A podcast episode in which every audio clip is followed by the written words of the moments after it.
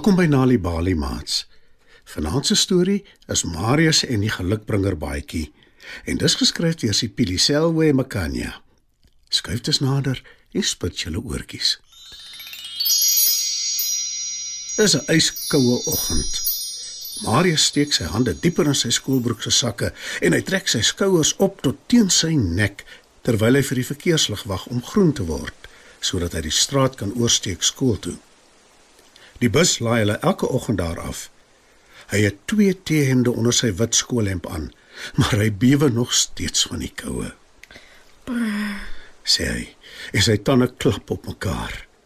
Hy stamp sy voete op die sypaadjie in 'n poging om warmer te kry, terwyl hy steeds vir die verkeerslig wag. Ek wens ons het genoeg geld gehad om vir my 'n warm baadjie te koop. Sug Marius. Maar dan ruk hy hom reg en dink dadelik aan iets anders, want hy weet die hartseer gedagte gaan hom niks in die sak bring nie. Gelukkig is die verkeerslig nou groen en hy begin die straat oorsteek. Maar toe skielik hoor hy 'n harde gil agter hom. Hy kyk om en hy sien hoe 'n man met 'n ou maatjie stoei soos wat hy probeer om haar handsak by haar af te neem. Jou nare skurk! Help my iemand, asseblief! Marius dink nie twee keer nie. Hy hardloop dadelik nader om die ou maatjie te help. Hy skop die man so hard as wat hy kan op sy been. Die dief skree van pyn, laat los die ou maatjie se handsak en hardloop hinke pink weg. Jammer ouma, het die nare man ouma seer gemaak. Vra Marius besorg terwyl hy die ou maatjie ophelp. Sy het intussen omgeval toe die dief haar omgestamp het in sy haas om weg te kom, Leun op my skouer. sê Marius besorg. Hy kyk bekommerd na die ou maatjie, want hy kan sien sy is ontsteld en na aan trane. Dankie, liewe kind. Baie dankie. Ek weet nie wat deesdae in die mensdom ingevaar het nie. sê die ou maatjie dankbaar en leun op Marius wat haar ophelp en haar handsak oor haar arm hang. Dankie. Tog daar is darm nog goeie mense oor soos jy. Voeg sy by. Marius groet die ou maatjie hastig en draf skool toe. Hy wil nie laat kom nie. Die middag toe hy weer die straat oorsteek, die slag van die ander kant af op pad na die busstop toe, is hy verbaas om dieselfde ou maatjie daar te sien staan. Hy besef dadelik sy het vir hom gewag, want sy glimlag breed toe sy hom sien. Jong man, ek het iets vir jou. sê sy en oorhandig 'n pakkie aan hom. Marius kyk verleë daarna en sê, Ouma hoef niks vir my te gee nie. maar sy glimlag net en stop die pakkie in sy hand. Toe sê sy, Vat dit, kind. En maak dit oop wanneer jy by die huis kom. Dis iets wat jy nodig het. Ek weet dit is perfek vir jou. sy klop Marius op die skouer en sy glimlag. Toe voeg sy by, Wanneer dit jou nie meer pas nie, gee dit vir iemand anders wat dit nodig het. En toe draai sy om en sy verdwyn tussen die mense. Toe Marius by die huis aankom, maak hy die pakkie oop. Binne-in is 'n pragtige, helder geel baadjie, presies wat hy nodig het, nes die ou maatjie gesê het.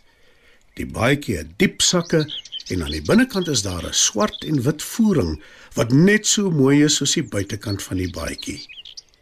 Marius hou die baadjie op in die lug, maar toe besef hy teleurgesteld dat dit te klein is vir hom. Dit sal my nooit pas nie. sug hy. Maar omdat dit so 'n besondere mooi baadjie is, besluit hy om dit tog maar aan te pas. En dis toe dat daar iets wonderlik gebeur. Die regtermou van die baadjie begin groei. Dit word langer soos wat hy sy arm in die mou steek. En die grootte is presies reg. Marius kan sy oë nie glo nie. Hy steek sy linkerarm in die linkermou en dieselfde ding gebeur weer. Die mou groei totdat dit presies die regte grootte is. En die baadjie, die pragtige baadjie pas Marius perfek. Marius kyk na homself in die spieël. Marius sit sy hande op sy heupe en is baie gelukkig oor hoe spoggerig hy lyk. Toe sit hy sy hande in die baadjie se sakke. Nou lyk hy eers spoggerig.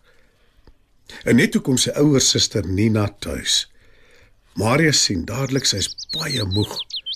Hy vat haar swaar sak by haar en vra: Hoe gaan dit, sis? Kan ek vir jou 'n koppie tee maak? Nina skud haar kop en gaan sit by die kombuistafel. Ek is okay, Boet, net moeg. Maar 'n koppie tee sal heerlik wees, dankie. sê sy.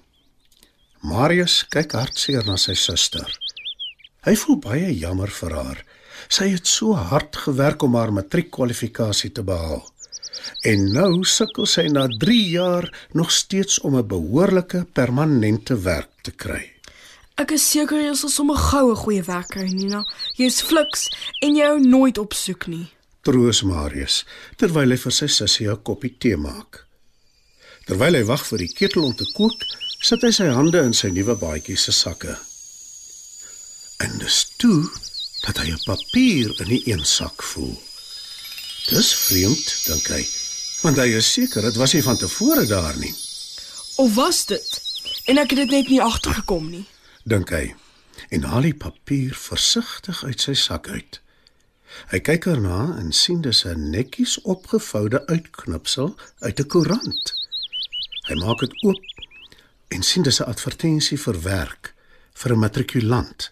'n Dringende een, want die mense soek iemand wat dadelik kan begin. Marius glimlag.